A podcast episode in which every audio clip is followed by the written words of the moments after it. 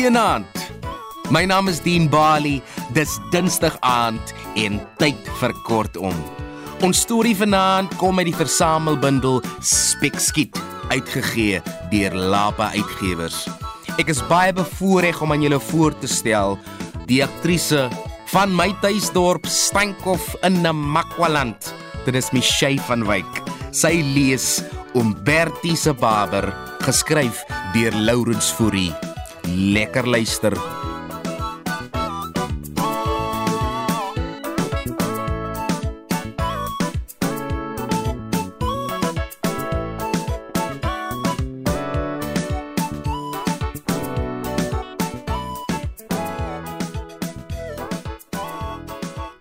In Rustenburg se wêreld was sekerlik nie gasvryer mense as die Kronjesie. So wat van dier opgooi vir kuiermense was eenvoudig net nie geken nie.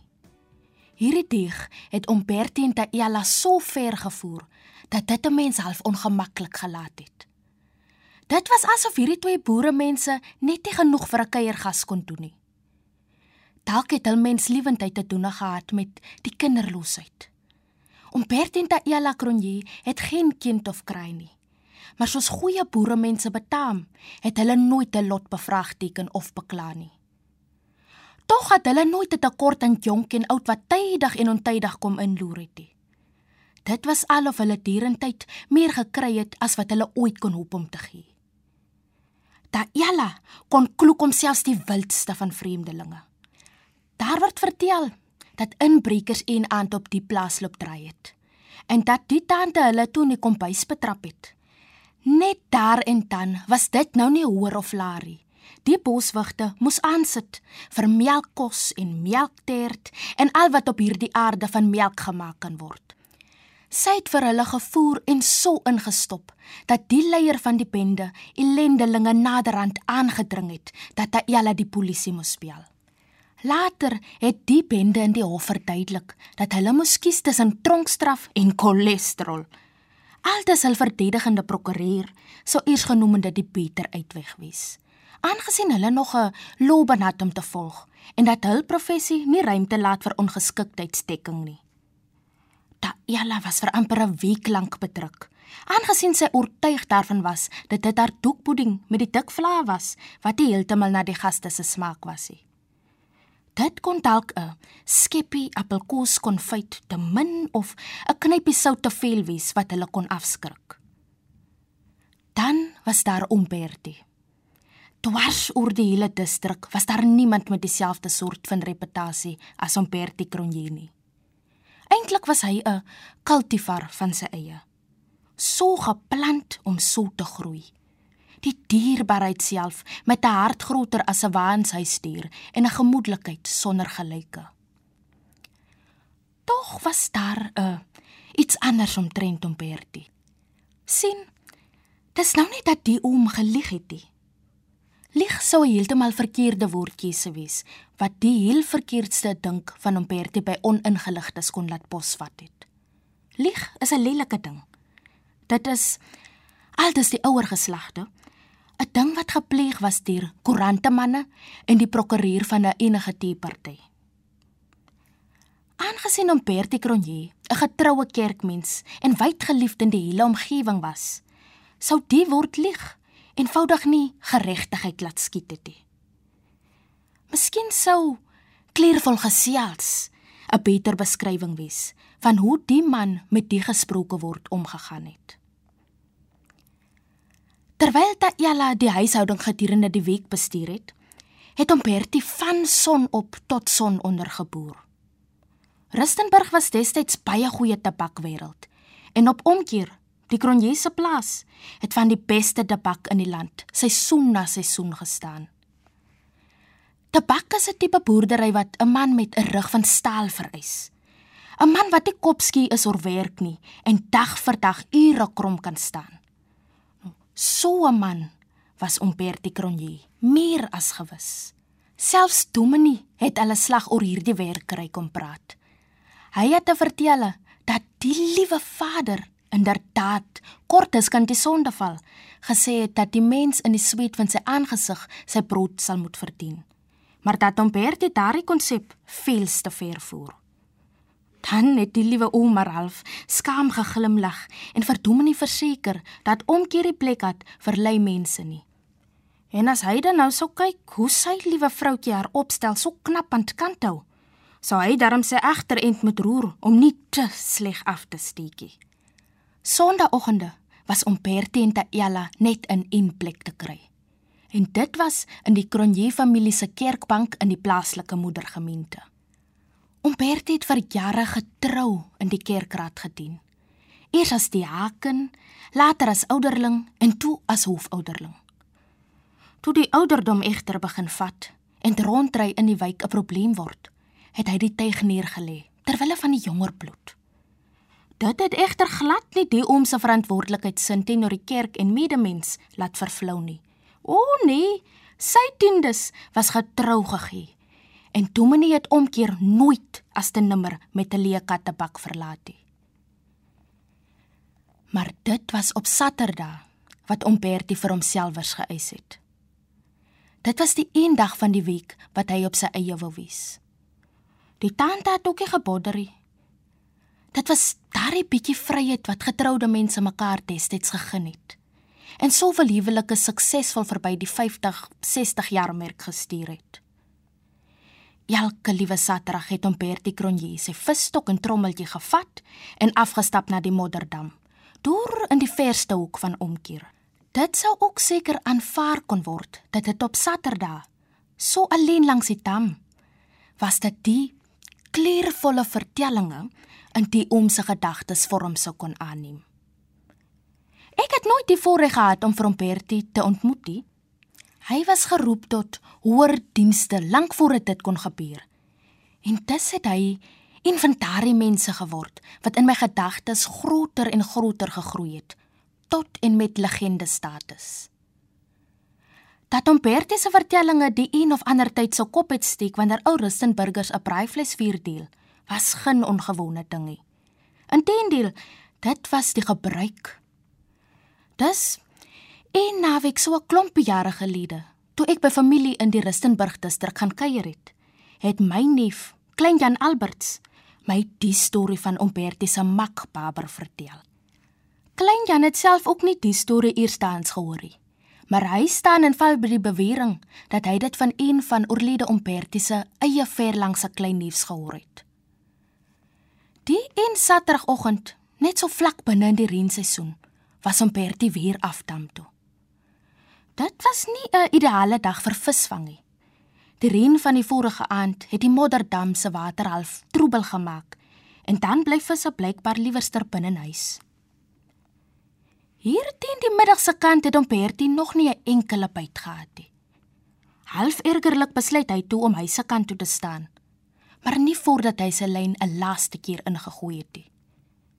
Soos die noodlot nou maar werk, was dit ook met die laaste ingooi slag dat hy nou wrintie byt kry. En sonder 'n gespook of spartel, trek hy 'n ou klein babertjie van so om en by 6 duim lank uit. Half geïrriteerd wou hy die babertjie sommer dadelik terug in die water gooi. Maar toe merk hy dat die kereltjie eintlik 'n anderster uitdrukking op die gesig het. Heeltemal anders as die van gewone baber op straat. Volgens Klein Jan was dit so asof die gesnorde vis half van Bertie geglimlag het. En net daar, met al die wil in die wêreld, kon hy die baber net nie terug in die water gooi nie. Einde ten laaste is die baber saam huis toe. Daar gekom sit hom Bertie die baber in die pad. Die was natuurlik vaag weg tot ergernis van Taela. Maar die gasvrye mens wat sy was, kon sy die babertjie net in die bad belet hê. Baber se kind het blykbaar die helder skoon water vreeslik geniet en waardeer. Soveel so dat hy van pure uitbundigheid gespring en gespat het en dit tot pure plesier van hom Bertie. Tot daai hele later die aand wou gaan bad, moes daar plan gemaak word want sy het daarom voet by stuk gehou dat daar 'n manier was dat sy 'n pad met 'n baber sou deel. Om Bertie die baber uit die bad gehaal, in 'n nat handdoek toegedraai en onder die wasbak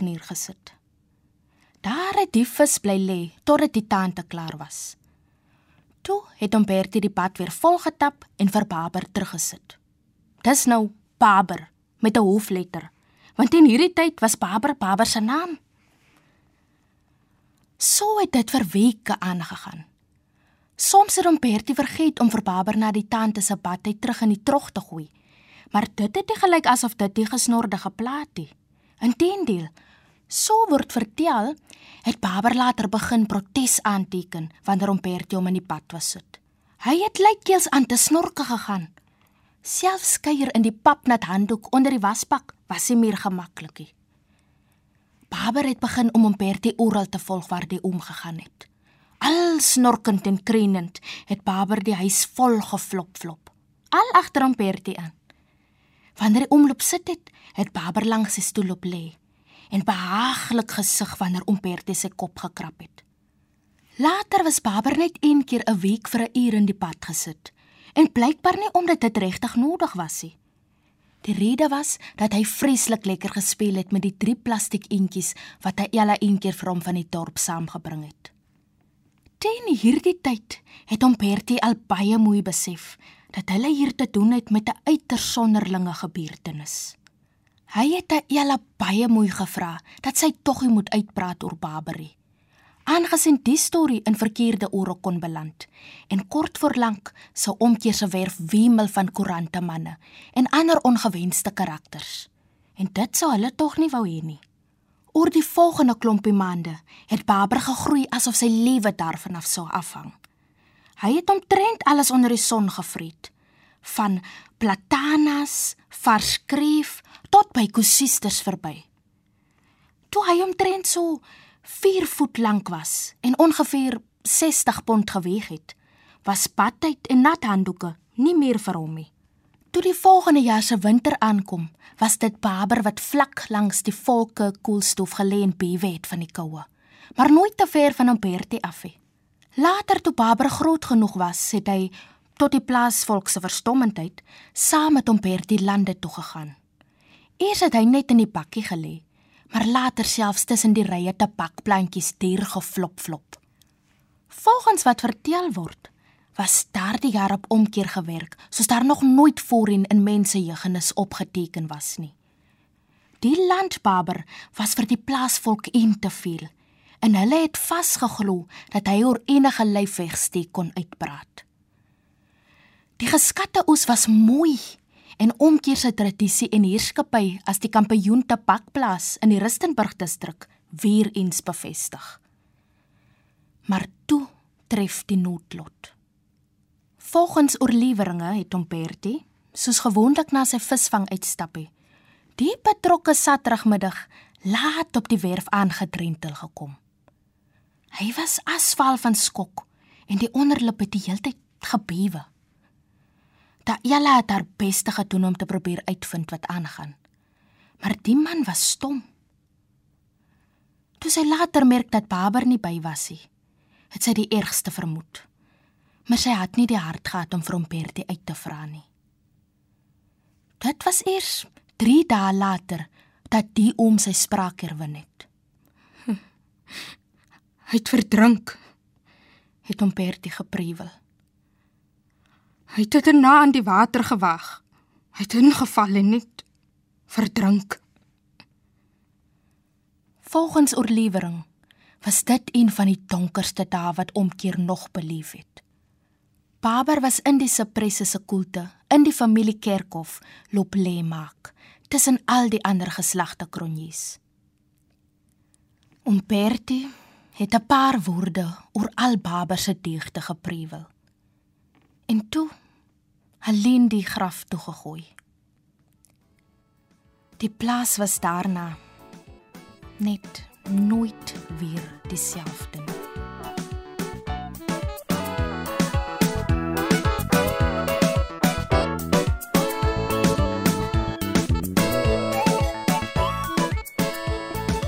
Dit was Umberti se Baber deur Lourens Fourie. Baie dankie Michey vir die voorlesing en baie welkom. Stankov en Omakwalan is trots op jou. My naam is Dean Bali tot 'n volgende keer. Soos altyd van my kant af, laat dit juig en veilig bly.